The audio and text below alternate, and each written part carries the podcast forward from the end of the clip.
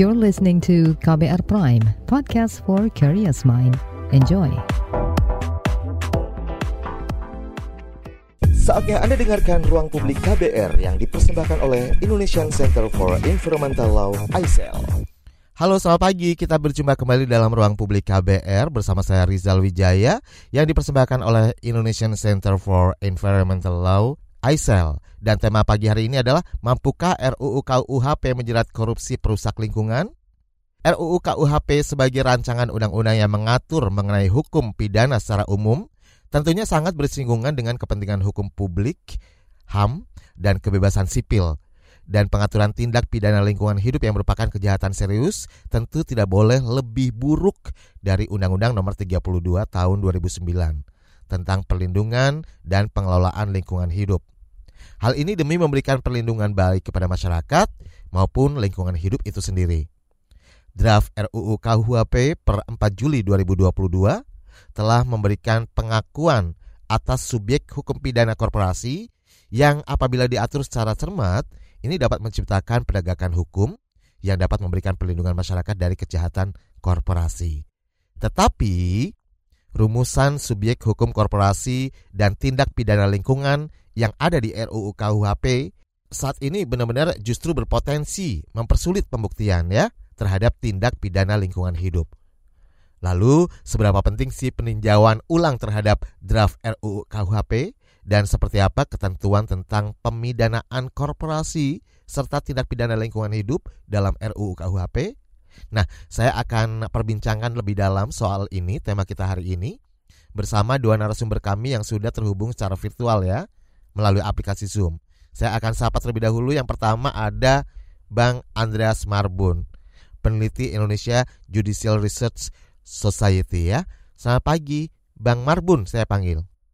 Selamat pagi Mas Rizal, sehat-sehat ya. Alhamdulillah selalu sehat. Dan yang kedua, saya juga akan menyapa narasumber kami. Ini lengkap ya, ada eh, laki-laki, uh, ada juga perempuan.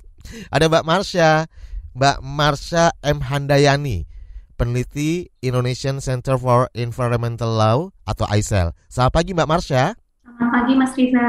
Dan uh, kita pagi-pagi udah diajakin ngomongin tema yang mungkin buat masyarakat ini agak-agak uh, awam gitu ya.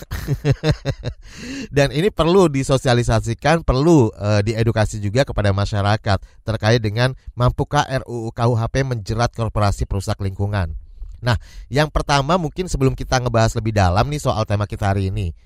Menurut dua narasumber kami, Bang Marbun dan juga Mbak Marsha, apa yang sebenarnya menjadi permasalahan dalam draft RUU KUHP ini? Boleh dijelaskan? Silakan mungkin dari Bang Marbun dulu ya. Silakan. Oke Mas Rizal, nanti habis itu ditambahin aja ya sama Kak Marsha. Kalau dari uh, saya sih paling enggak setidak-tidaknya ada dua ya. Secara teknis, pengaturan itu di RKUHP masih banyak yang belum sempurna. Pagi hari ini, nanti sampai kita selesai sesi kita pagi hari ini, kita akan bahas satu persatu banyak hanya hanya bab korporasi aja ya, akan banyak pembahasan uh, yang masih banyak pengaturannya ini bermasalah. Nah, kita akan bahas pengaturan-pengaturan bermasalah itu pagi hari ini. Dan yang kedua, itu tadi permasalahan teknis pengaturan ya. Yang pertama, yang kedua, ini dalam dalam segi pembahasan maksudnya dalam segi pembahasan adalah draft ini yang terbaru ini baru dibuka bulan lalu 4 Juli. Tapi ternyata draft 4 Juli ini udah dikasih DPR ya oleh pemerintah. Nah, tapi ternyata setelah kita masyarakat sipil sisir ulang ini RKUHP-nya, karena ini sudah di DPR ya, ternyata masih banyak ini yang bermasalah. Hmm. Nah, masih banyak yang typo lah, bahkan yang secara substantif bermasalah juga banyak. Gak cuma typo. Kalau typo mungkin kita bisa ubah ya semalam dua malam.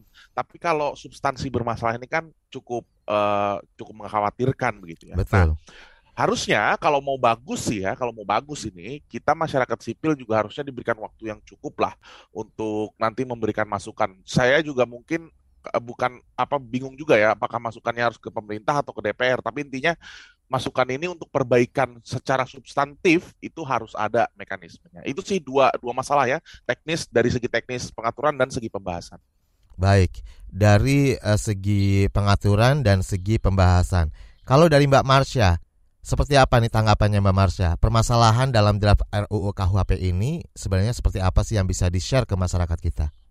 Kalau Aisal lebih menyoroti ke tindak pidana lingkungan hidup, Mas. Nah, uh, kalau dari segi substansinya memang ini sangat bermasalah gitu ya, karena tindak pidana lingkungan hidup itu uh, tindak pidana khusus di luar KUHP dia diaturnya.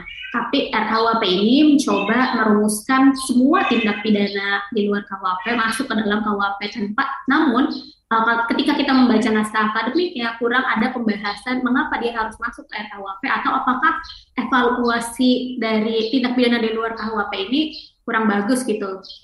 Kita kurang mendapatkan penjelasan itu dan uh, sepakat dengan apa yang tadi Marbun sampaikan bahwa uh, sepertinya pembahasan RKUHP ini kurang uh, apa ya partisipasi dari masyarakat itu. Bagaimana masyarakat uh, bisa memberikan masukan ke RKUHP karena RKUHP bukanlah undang-undang yang uh, sekali baca ngerti dan satu tentang itu saja tapi jadinya banyak tentang tindak pidana tindak pidana yang mengatur mungkin saja hajat hidup orang banyak uh, di dalam uh, undang-undang tersebut gitu. Jadi memerlukan waktu juga untuk kita membacanya dan memahami betul uh, apa saja dampaknya RKUHP nanti bagi kehidupan kita. Gitu sih Mas. Baik, jadi di sini perlu juga partisipasi masyarakat ya, dorongan dari masyarakat karena uh, juga apa namanya berhubungan dengan hajat hidup orang banyak seperti itu ya Mbak ya, dan dampaknya juga masyarakat sendiri yang akan merasakan. Nah, uh, tadi disebutkan Bang Marbun uh, jangankan substansinya, type, typo aja masih terjadi ya Bang Marbun ya. Ini menurut saya sih agak-agak gimana sebagai masyarakat awam ya menilainya tuh jadi kayak main-main ya. Tapi mungkin gini Mas Rizal, uh -uh. karena karena pasalnya banyak, jadi kesalahan itu sangat mungkin terjadi. Jadi karena pasal RKUHP ini kan ada berapa ya 700 sampai 800 pasal gitu. Maksudnya nggak cuma tim pemerintah, saya juga kalau dikasih kerjaan itu mungkin bakalan ada juga yang begitu-gitu gitu ya. Makanya kita perlu waktu yang cukup untuk menyisir ulang, untuk okay. membahas gitu gitu. Jadi sangat uh, bisa dibilang terburu-buru kah kalau sudah masuk DPR dan sudah di uh, announce juga ya?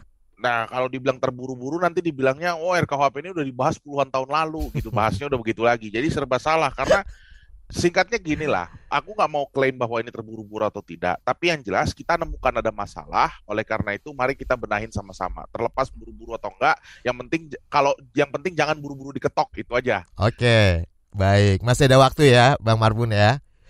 Baik. Betul, betul. Dan Bang Marbun, ini mengapa sih korporasi perlu menjadi subjek hukum pidana, kepentingannya apa, urgensinya apa nih? Oke, uh, ada dua ya. Pertama secara teoritis ini biasa kita kenal dengan konsep deeper pocket. Maksudnya kantongnya lebih dalam.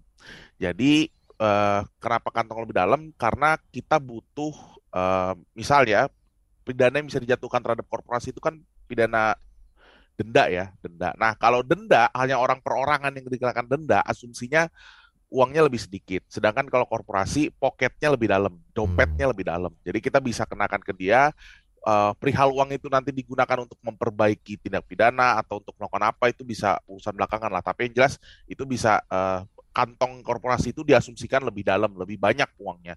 Kedua, secara praktis itu tadi secara teoritis ya. Secara praktis uh, kenapa korporasi perlu menjadi subjek hukum pidana itu karena ini untuk menciptakan budaya tertib hukum dalam berbisnis.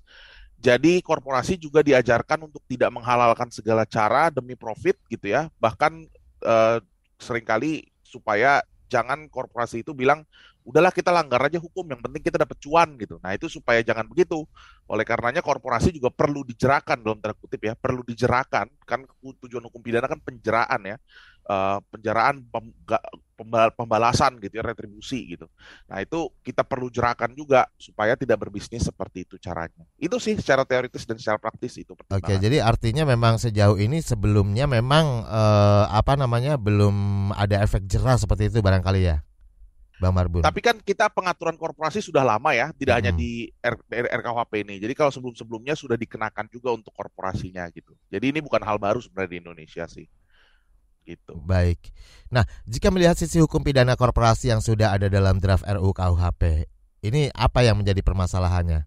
Mungkin boleh dielaborasi lagi nih. Ah, ini yang menarik ya. Cuman ini sangat teknis ya. Jadi sangat banyak sebenarnya yang jadi masalah. Contoh deh yang paling pertama deh, yang paling parah banget menurut saya ya. Itu tentang pengatribusian suatu perbuatan uh, sehingga dapat dianggap sebagai tindak pidana oleh korporasi. Gini misalnya, Mas Rizal CEO perusahaan X gitu. Oke. Okay? Uh, saat ini pertanggungjawaban pidana bagi korporasi itu masih bergantung pada dua, ada dua. Satu kalau dilakukan oleh Mas Rizal itu sendiri, oke, okay? atau dilakukan oleh anak buah korporasi gitu ya.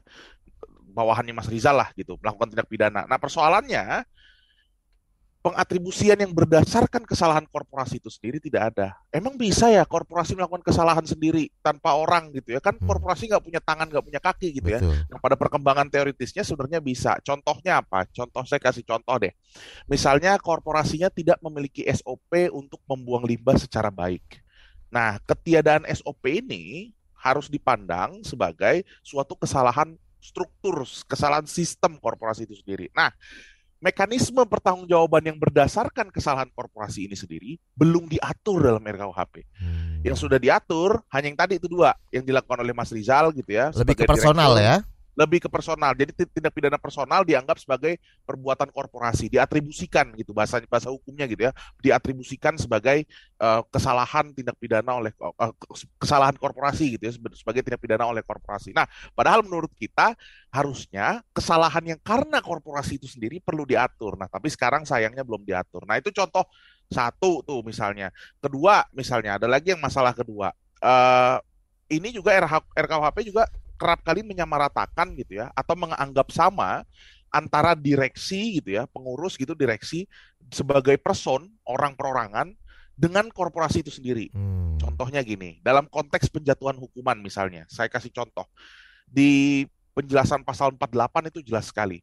RKUHP itu memungkinkan bahwa suatu penjatuhan hukuman itu bukan pada subjek hukum yang sesuai. Contoh misalnya, contoh eh, pasal 48, penjelasan pasal 48 specifically bilang bahwa kalau tindak pidana dilakukan oleh korporasi, maka penghukumannya bisa diberikan kepada satu korporasinya aja, dua korporasi dan pengurus gitu ya dan direksi gitu ya, ketiga direksinya saja gitu, pengurusnya hmm. saja.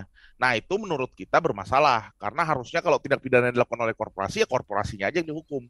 Tapi kalau direksinya terlibat dalam tindak pidana, ya direksinya aja dihukum gitu. Okay. Maksudnya beda mekanisme gitu jangan dianggap satu tumpang tindih gitu nah itu kan contoh secara substantif masih bermasalah ya gitu Baik. loh nah itu itu itu dua sih yang paling yang paling ini sih ya Baik. di saat ini Iya, dan sekarang saya ke Mbak Marsha. Mbak Marsha, kalau uh, melihat dari sisi pengaturan tindak pidana lingkungan hidup, ini menarik ya dalam RUU KUHP. Apa yang sebenarnya menjadi permasalahan nih? Boleh dijelaskan lebih dalam? Kalau tadi uh, saya bilang bahwa perumusan RKUHP ini menggunakan kodifikasi gitu ya, tapi tidak kodifikasi full gitu. Dalam arti tidak semua tindak pidana uh, terkait lingkungan hidup dimasukkan ke dalam RKUHP, tetapi namanya adalah kodifikasi terbuka. Uh, para perumus hanya memilih tindak pidana utama saja dalam uh, yang diatur di Undang-Undang khusus di luar KUHP gitu uh, untuk diatur dalam KUHP. Nah, dalam hal ini lingkungan hidup hanya dua tindak pidana yang dianggap sebagai tindak pidana utama lingkungan hidup yaitu uh, pencemaran dan kerusakan yang dilakukan secara sengaja dan lalai. Kalau di Undang-Undang 32 ini pasal 98 dan 99. Uh, namun uh, diatur dalam uh, RKUHP ini 344 dan 345 gitu. Nah, kenapa ini bermasalah? Satu, karena tadi tidak semua tindak pidana lingkungan hidup menjadi diatur dalam RKUHP. Dua, ada perumusan yang berbeda antara pasal 98 yang diatur di Undang-Undang 32 2009 tentang lingkungan hidup dan uh, diatur di RKUHP. Kenapa termasa, kenapa perbedaan pengaturan ini sekarang menjadi bermasalah? Karena terdapat uh, regresi pengaturan tindak pidana lingkungan hidup di dalamnya uh, adanya kemunduran bahwa uh, dia dia menjadi pengaturan yang lebih lengang gitu ya uh, uh, dari Undang-Undang 32. Dia kembali ke pengaturan di Undang-Undang mirip-mirip di Undang-Undang 23 tahun 97 ya sudah lama kita tinggalkan seperti itu, Mas uh, ini tentunya uh, akan menyulitkan pembuktian itu. Ini sejarahnya seperti itu. Makanya pengaturan Undang-Undang 2397 itu uh, diganti di Undang-Undang 32 2009. Tapi ternyata nyatanya kita ingin kembali ke masa itu. Hmm. Uh, jadinya bermasalah nih gimana uh, lingkungan hidup masih dapat terjaga uh, dalam artian uh, menegakkan hukum pidananya gitu ya. Terutama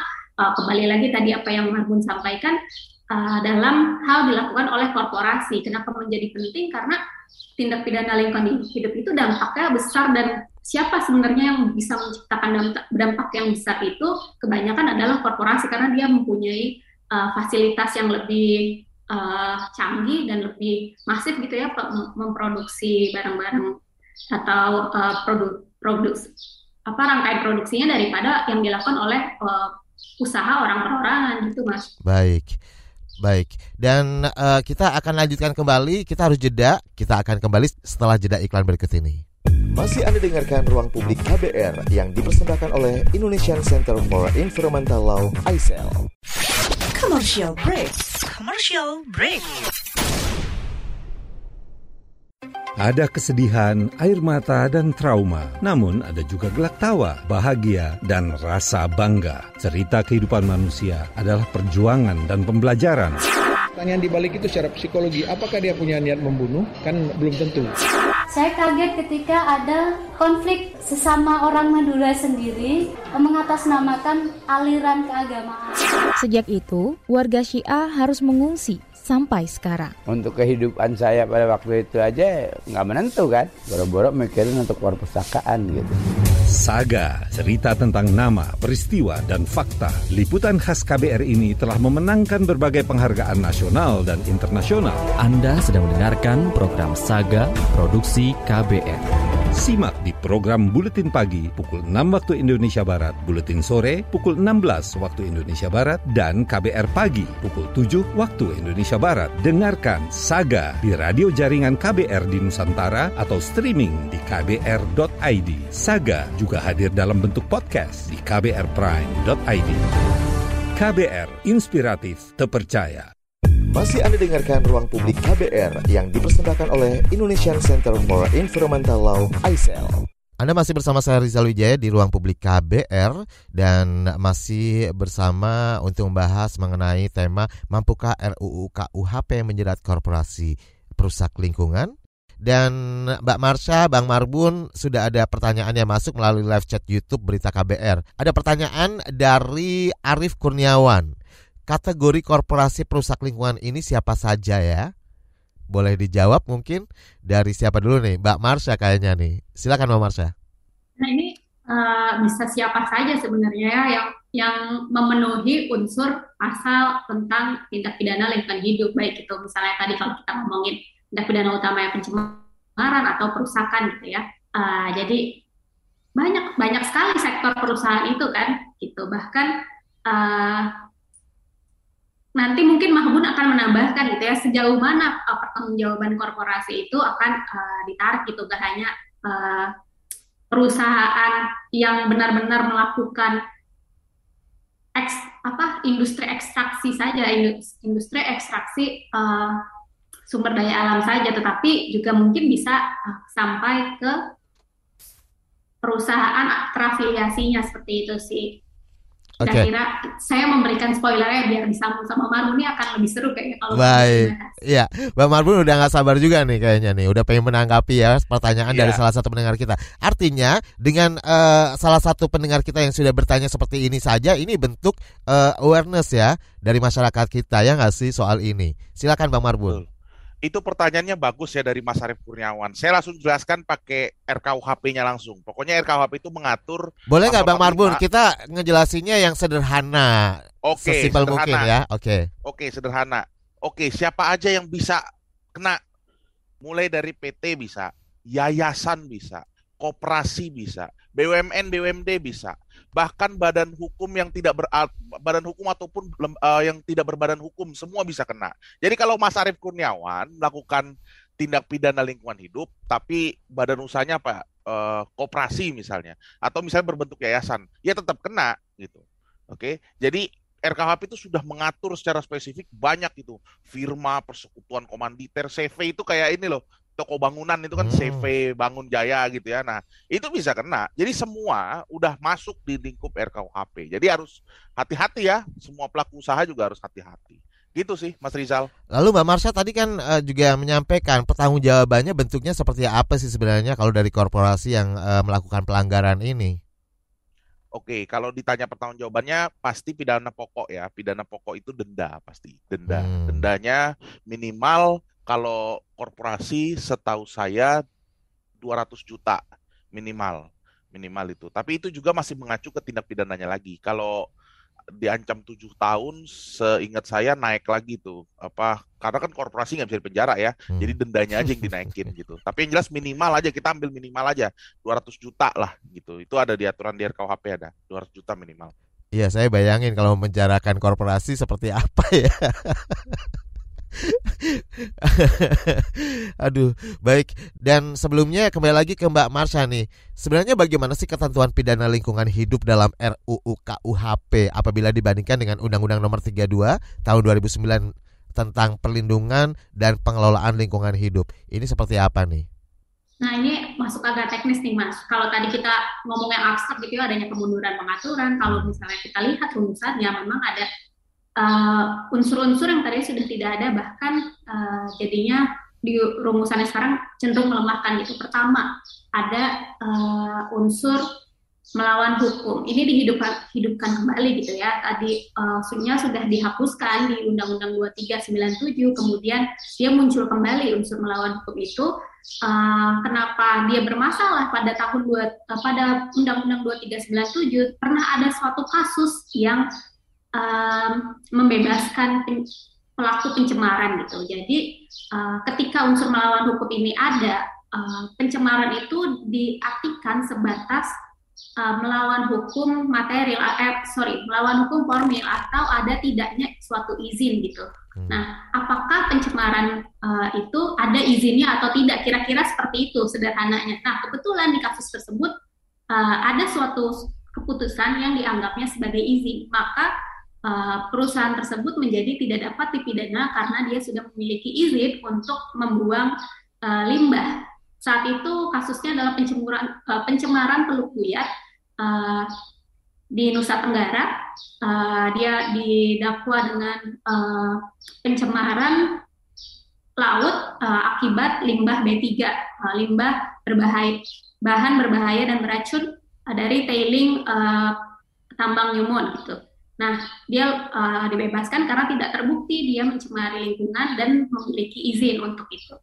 Kedua, di rumusan RKUHP ini ada uh, rumusan baku mutu lingkungan itu. Bagaimana kita membuktikan adanya pencemaran? Uh, itu dibuktikan dengan terlampauinya baku mutu lingkungan. Namun baku mutu lingkungan yang mana yang uh, dilanggar? Yaitu baku mutu uh, lingkungan ambien gitu ya, yang ada di sekitar atau media lingkungan bahasa sederhana seperti itu seperti air, air laut, udara seperti itu yang dilampaui.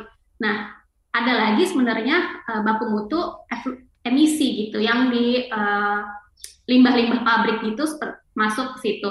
Nah, uh, yang diatur sebenarnya tidak jelas menjadi ma mana yang mana yang uh, dilanggar gitu ya, apakah baku mutu ambien ataukah baku mutu emisi. Kalau kita merujuk ke pasal 98 dan 99 itu yang dirujuk adalah uh, baku mutu ambien. Baku, pelanggaran baku mutu emisi bukan tidak dipidana, dia dipidana tetapi di pas di ketentuan yang berbeda yaitu pasal 100. Karena kenapa dibedakan? Karena tingkat kesalahannya uh, dan ketercelaannya dan juga dampaknya terhadap lingkungan itu berbeda. Hmm. Sehingga ya dibedakan. Namun RKUHP tidak membedakan itu. Kemudian ketiga, kalau tadi kita berbicara tindak pidana utama lingkungan hidup adalah pencemaran dan kerusakan, uh, di pasal 98 dan 99 ini di, diatur secara alternatif menggunakan uh, terminologi atau gitu ya. Jadi bisa ada kejadian, suatu kejadian nih, uh, nanti penegak hukum bisa menentukan apakah dia pencemaran ataukah kerusakan ataukah terjadi dua-duanya. Tetapi di RKUHP uh, di, diatur menggunakan dan gitu ya secara kumulatif artinya harus terjadi nih dua-duanya pencemaran dan kerusakan lingkungan hidup harus terjadi berbarengan ini akan menyulitkan gitu ya karena jarang sekali uh, suatu kejadian atau perusahaan lingkungan hidup itu terjadi secara bersamaan dengan pencemaran uh, jadi akan sulit untuk jika terhanya terjadi salah satunya saja menjadi tidak dapat dipidana. Kemudian yang ketiga adalah uh, tidak adanya pidana minimum itu langsung pidana maksimal saja. Kemudian Uh, kenapa ini bermasalah? Karena karena hukumannya nanti jadi langsung uh, bisa pidana maksimal saja atau pidana minimumnya gitu ya. Pidana minimumnya tadi Marbun mengatakan uh, korporasi 200 uh, juta minimal gitu ya. Kalau di uh, Undang-Undang 32 dia ada tuh penyebutan sanksi pidana minimal uh, pidana minimalnya adalah 3 miliar dan paling banyak 10 miliar gitu. Hmm. Nah, kalau di Undang-Undang Lingkungan Hidup uh, eh Undang-Undang RUU KUHP-nya hanyalah denda kategori 6 yaitu 2 miliar kan. Nah, ini juga jadi sanksinya lebih rendah daripada Undang-Undang 32 gitu. Ini mak makanya menjadi masalah sebenarnya dalam penegakan pidana uh, lingkungan hidup gitu, Mas. Jadi uh, potensi melemahnya penegakan hukum pidana lingkungan ini masih uh, terjadi gitu ya, masih berpotensi tinggi gitu ya Mbak ya. Nah mungkin ada yang mau ditambahkan nih Bang Marbun dari uh, apa yang sudah dijawab oleh Mbak Marsha. Enggak sih poin itu emang Marsha lah kalau itu udah lingkungan hidup mah udah. Udah Mbak Marsha banget ya. Baik, kalau sejauh ini beberapa kasus yang sudah terjadi gitu ya, seperti yang tadi uh, diceritakan oleh Mbak Marsha ini menarik banget ya. Uh, ini sebenarnya kalau hal ini uh, terus terjadi di Indonesia, sebenarnya dampaknya yang paling dirasakan di masyarakat apa sih sebenarnya, Mbak Marsha? Mungkin ini boleh di share juga kepada masyarakat supaya tingkat kesadaran di masyarakat juga semakin tinggi dan ikut mendorong tentunya ya. Nah, dampak terjadinya kerusakan pencemaran lingkungan hidup itu nggak hanya dirasakan uh, generasi saat ini atau orang-orang yang hidup saat ini juga gitu mas. Tapi bisa juga dirasakan oleh nanti anak cucu kita gitu ya generasi berikutnya. Jadi dampaknya tuh bisa panjang nggak hanya uh, saat ini saja. Beda kalau misalnya uh, kejahatan pencurian gitu. Barang kita dicuri diambil orang. Pada saat itu kita grieving gitu ya sedih hilang. Tapi mungkin kita akan bisa mencari benda yang sama gitu. Nah, tapi kalau lingkungan hidup itu ketika dia terjadi jangka jangka pendeknya saat ini tuh orang-orang yang masyarakat yang berada di sekitar situ saja ya hmm. bisa menderita penyakit, mungkin dia gatal-gatal atau misalnya dalam kasus kebakaran hutan ISPA kan banyak sekali. Okay. Kemudian nelayan juga jadi susah memancing, kehilangan pekerjaan seperti itu Mas. Nah, jangka panjangnya penyakit misalnya penyakit tadi. Penyakit itu nggak hanya di saat ini saja tapi ISPA tapi bisa long term kan bisa kayak jadi TBC dan berubah dan akhirnya berujuk kematian gitu jadi mengerikan sekali sebenarnya. Okay. Uh, Jadi janganlah kita mewaris mewarisi kepada anak cucu kita ya uh, yang akan datang itu dengan hal yang negatif itu tadi. Baik, dan kita akan lanjutkan kembali nanti. Uh, sudah ada juga pertanyaan yang siap saya bacakan terlebih dahulu nanti ditanggapi setelah jeda iklan. Ada dari Sebentar. Ya banyak banget. Meni Gestik Gescita. Meni Gescita. Siapa saja yang dipidana jika terjadi pelanggaran pencemaran lingkungan? Makasih. Saya dari Manado. Meni ya. Baik, nanti akan ditanggapi ya setelah jeda iklan. Jangan ke mana-mana, tetap di ruang publik KBR bersama saya Rizal Wijaya.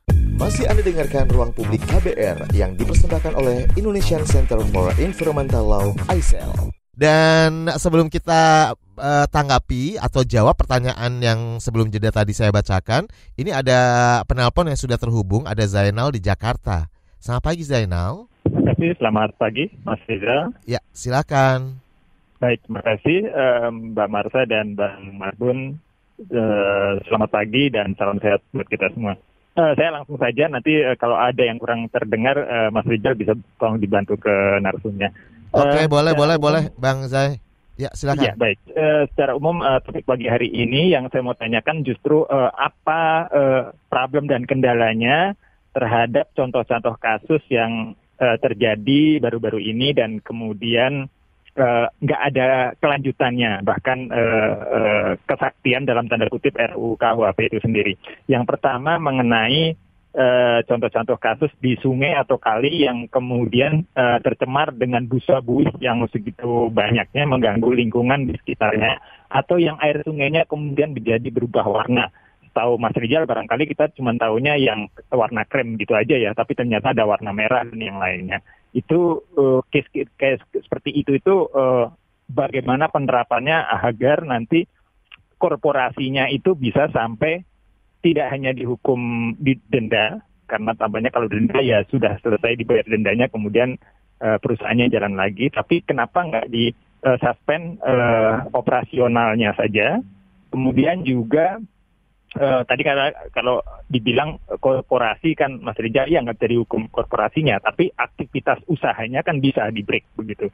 Nah itu uh, problemnya selama ini apa, uh, Bang Marbon dan Mbak Marsa kok itu nggak bisa dijalankan contoh-contoh hal seperti itu. Okay. Kemudian juga ada contoh case adalah diduga yang ada di kota kita yang uh, apa namanya dengan uh, pol polutan yang batu bara dalam tanda kutip yang sedang diangkat uh, sangat uh, populer kemarin di media massa. Viral. Yang case kayak gitu bagaimana? Kok nggak uh, ada kedengeran juntungannya? Uh, akhirnya uh, perusahaannya dijelaskan perusahaannya apa di media massa kan gitu dan kemudian hukumannya apa sehingga uh, terjadi yang namanya apa namanya efek dira begitu okay. orang namanya perusahaannya akan problem namanya rusak begitu Baik. dan juga uh, disuspend tidak bisa jalan kembali atau uh, di break sementara untuk beberapa bulan. Itu uh, problemnya gimana tuh? Baik. Mbak dan Mas. Makasih banyak. Bang Zainal, Bang Zainal, Bang Zainal, ya. tahu nggak minuman apa yang bisa ngomong? Belum tahu. Ini Anda lucu banget. Min, mi, minuman jahe. Jainal. Oh, karena Jainal. Oh, gitu. ya, baik. Terima kasih. Lumayan. Ya, Lumayan ya. Nice try. Terima baik. kasih nah, Bang Zainal. Lagi kembali selalu ya. Baik, ya biar nggak tegang-tegang amat ya Mbak Marbun, Mbak Marsha. Baik, Terima kasih untuk uh, Bang Jainal di Jakarta. Nanti kita tunggu lagi buat yang lainnya barangkali ya. Ini Bang Jainal luar biasa loh pertanyaannya ya panjang. Dan tapi ditanggapi dulu pertanyaan dari YouTube tadi dari Manado kalau nggak salah. Baik, saya akan bacakan kembali. Mana tadi? Meni, Meni siapa saja yang dipidana jika terjadi pelanggaran korporasi? Silakan Bang Bang, Oke, Margun. saya saya coba jawab ya. Tadi sempat saya singgung sebenarnya ya. di pasal di pasal 48 itu yang bisa dihukum itu satu korporasinya itu sendiri, kedua korporasi dan direksinya gitu ya dan pengurusnya gitu korporasi dan pengurusnya dan ketiga pengurusnya saja. Oke. Jadi mis direksinya lah, direksinya hmm. saja gitu. Nah, itu tiga kemungkinan itu yang bisa dihukum. Kalau ditanya saya setuju atau tidak dengan pengaturan itu, saya udah jelaskan juga tadi saya sangat tidak setuju gitu ya. Tapi yang jelas itulah yang diatur di RKUHP sekarang. Jadi kalau misalnya Bu siapa tadi dari Manado? Ibu Ya, Bu Meni. Nah, Ibu Meni itu misalnya CEO perusahaan, ya Ibu harus hati-hati Bu ya, mulai sekarang gitu ya, karena Ibu nanti bisa kena juga, kena kena hukum juga gitu ya. Itu. Jadi itu pertanyaan untuk Bu Meni. Untuk Pak Zainal itu pertanyaannya cukup bagus ya, cuma saya sulit juga jawabnya karena gini kalau ditanya gimana penegakan hukum korporasi yang efektif itu lingkungan khususnya kenapa ya itu kasuistis ya bergantung pada willingness pemerintah. Tapi penyebabnya macam-macam. Saya kasih contoh lah. Kalau kita mau suuzon suuzon ya kalau mau suuzon ya bisa jadi karena nggak dilakukan penegakan hukumnya. Oleh penegak hukum ya penegak hukumnya entah terima duit dari pelaku pencemaran gitu ya sehingga tidak diproses gitu. Tapi kalau husnuzonnya kalau husnuzonnya gitu ya bisa prasangka jadi baiknya. Prasangka baiknya gitu ya. Karena bisa jadi pembuktian perkara lingkungan itu sulit, sulit dan mahal. Oke, padahal anggaran negara itu uh, dalam penegakan hukum itu minim ya, terbatas. Jadi penegak hukum itu lebih milih nangkepin tindak pidana yang lebih sederhana gitu. Yang eh, nggak uh, ada pertarungan politik, nggak ada melawan orang kuat gitu loh. Yang ya nang nangkep nangkepin uh, tindak pidana tindak pidana minim lah gitu. Jadi itu husnuzonnya gitu ya persangka baiknya gitu. Jadi Tapi Bang Marbun, ditanya, Bang Marbun, mungkin kan uh, masyarakat akhirnya jadi kayak membandingkan gitu loh. Kayak misalnya sebut saja salah satu case yang terbaru adalah salah satu restoran gitu ya yang uh, uh, apa namanya membawa isu sara gitu langsung ditutup kan usahanya. Nah sementara yang ini hanya denda secara perdata gitu ya. Ini gimana sebenarnya? Ya, kalau ini sebenarnya denda pidana juga. Cuma ginilah, saya saya ngerti. Cuma kan kasus restoran itu kan juga pembuktiannya sederhana. Nggak disuruh kan kayak nyerok air sungai siapa ini yang mencemari kan bisa jadi ada 10 perusahaan di situ kan perusahaan mana yang melakukan pencemaran gitu pencemaran air sungai itu misalnya karena ada 10 perusahaan kita harus cari satu-satu kan capek ya butuh butuh tenaga besar gitu nah daripada ngurusin begitu padahal anggaran juga nggak ada terbatas ya mendingan yang langsung aja konkret ke masyarakat gitu masyarakat misalnya mau uh, tangkap pencuri, tangkap maling gitu, tangkap uh, tukang pukul, tangkap preman gitu. Jadi ya ini bicara insentif, insentif, insentif dalam penegakan hukum gitu, teknisnya gitu. Baik. Gitu. Baik, Mbak Marsha mau menanggapi yang mana dulu nih dari Mbak Meni, uh, korporasi perusak lingkungan? Nah, uh, kalau untuk Meni sebenarnya selain korporasi dan tadi Mahfud sebutkan adalah pengurusnya, tapi uh, tindak pidana lingkungan hidup itu kan tadi juga bisa dilakukan oleh perorangan gitu ya, bisa saja ada ada korporasi ini uh, apa ya membayar orang gitu ya untuk melakukannya gitu, jadi dia nggak kelihatan gitu. Nah ini bisa juga sebenarnya uh, kalau nggak ketahuan korporasi siapa orang ini yang dipidana pada akhirnya seperti itu pelaku benar-benar uh, yang melakukannya gitulah, yang membuang limbahnya seperti itu hmm. sederhananya. Kalau untuk Pak Zainal sebenarnya kompleks nih pertanyaannya gitu ya. Tadi Smarbot sudah sebutkan pembuktiannya sulit untuk uh, harus ada uji lab dulu untuk membuktikan dia tercemar atau dia rusak gitu ya. Apakah kategori tadi bak-bak mutunya indikator dia tercemar atau rusaknya terpenuhi atau tidak gitu. Nah, tapi ada sebenarnya permasalahan uh, yang lebih kompleks daripada itu. Kenapa? Karena misalnya dalam kasus pencemaran sungai bisa saja sungai itu memang sudah tidak bagus gitu ya, sudah tidak murni bersih lagi. Uh, uh, ada sungai-sungai besar yang memang sudah tercemar sebelumnya. Ketika dia ditambah uh, zat pencemar oleh pabrik atau perusahaan di pinggiran sungai itu, maka kan sulit nih membuktikan zat pencemar ini dari mana sih gitu, siapa uh, pelakunya gitu. Nah, pasti tidak hanya satu perusahaan mungkin yang berkontribusi terhadap pencemaran itu. Karena apakah kita akan mengeluarkan anggaran sedemikian rupa yang tadi Marbut sebutkan untuk itu kan untuk menegakkan hukum uh, mencari pelakunya siapa-siapa saja perusahaan yang berkontribusi terhadap pencemaran itu di, di mungkin saja perusahaan itu banyak gitu kan di sepadan sungai itu gitu satu. Nah namun uh, saya tidak optimis gitu ya untuk melakukan uh, penegakan hukum lingkungan karena ada kasusnya yang uh, berhasil ditegakkan pencemaran sungai itu dan ada sanksinya sebenarnya untuk memulihkan sungai itu, perbaikan akibat tindak pidana namanya.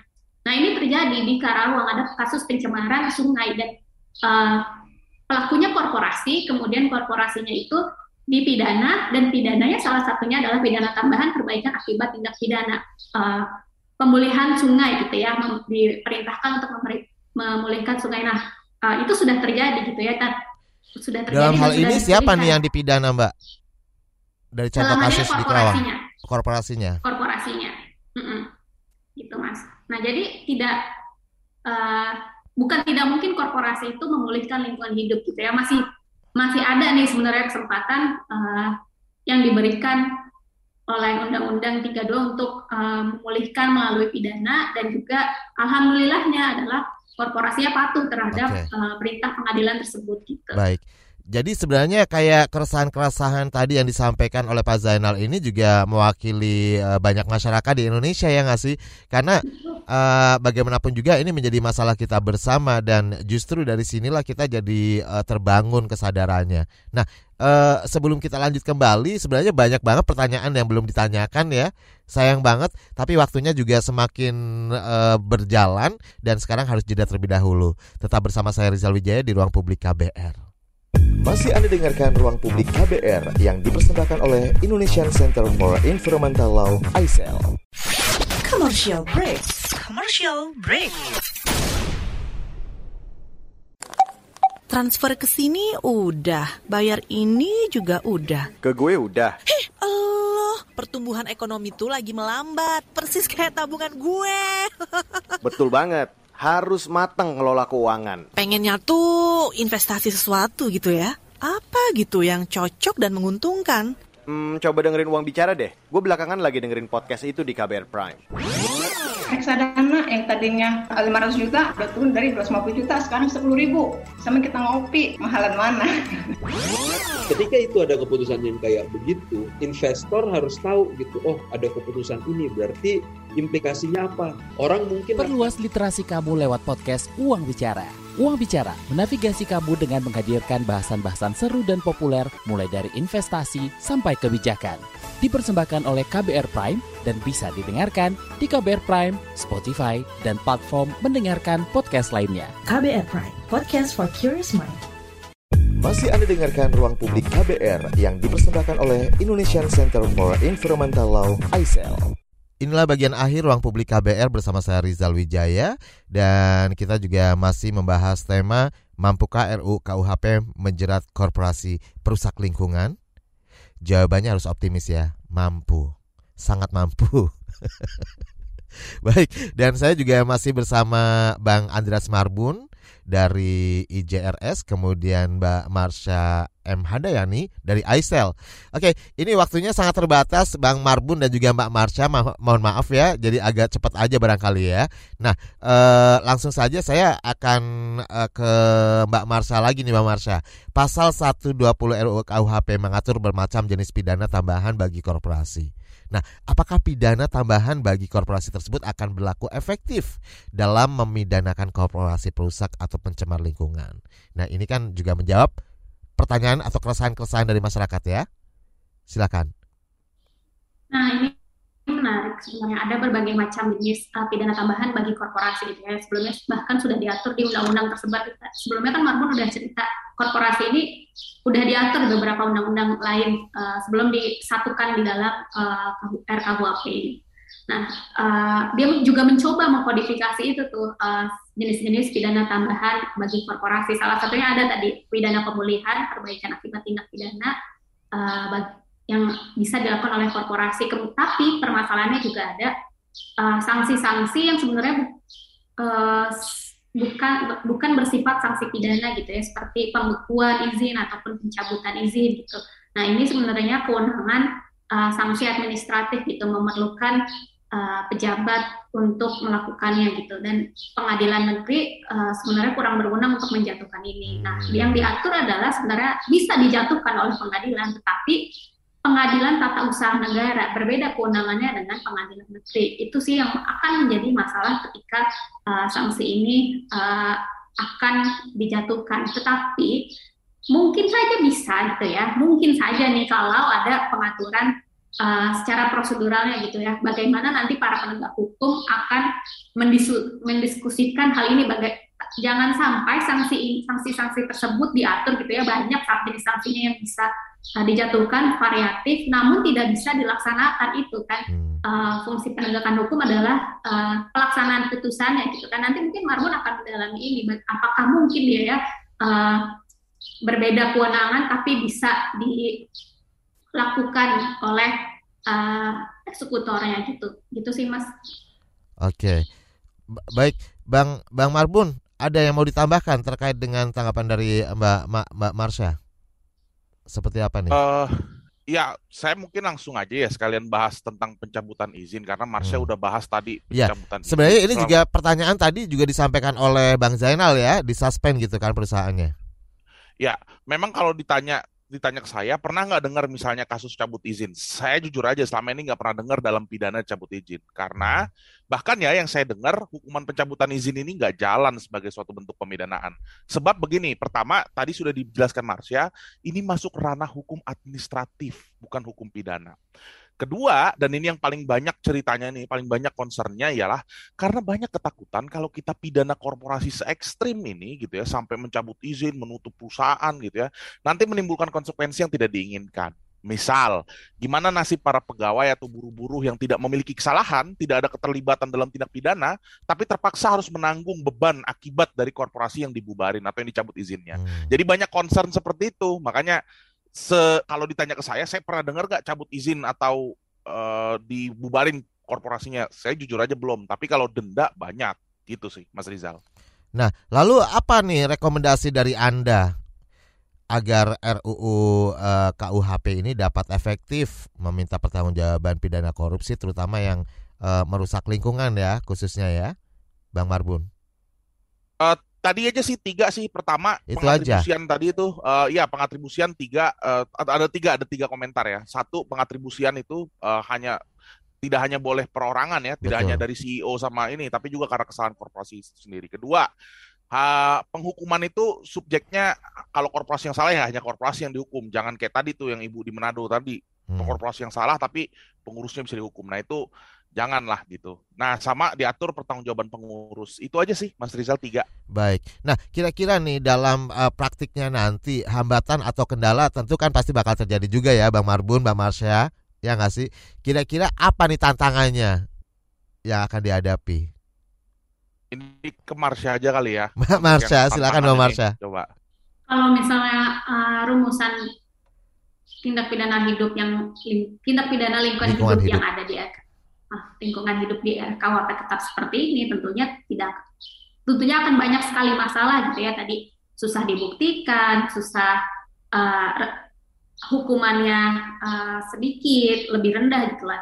Uh, perusahaan menjadi tidak jerak, tidak tidak ada uh, efeknya bagi perusahaan gitu ya. Apalagi ya sudahlah bayar denda saja, toh kita makan masih untung walaupun kita sudah melakukan tidak tidak apa pelanggaran hukum gitu. Nah, namun uh, sebenarnya lebih prinsipil lagi masalahnya adalah tindak pidana lingkungan hidup ini uh, membutuhkan pengaturan khusus, Mas. Nah, ini yang sulit untuk dimasukkan ke dalam RKUHP. Kalau dari kita, ya sudahlah uh, tindak pidana lingkungan hidup ini nggak perlu masuk ke gitu.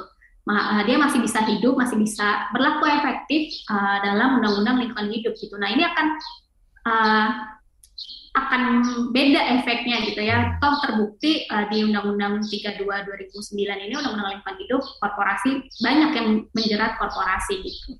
Walaupun yang korporasi mungkin perlu masuk ke dalam KUHP gitu ya, karena dia subjek uh, baru dan nggak hanya lingkungan hidup saja yang ada subjek uh, korporasi ya, tetapi banyak pidana yang uh, bisa dilakukan oleh korporasi gitu.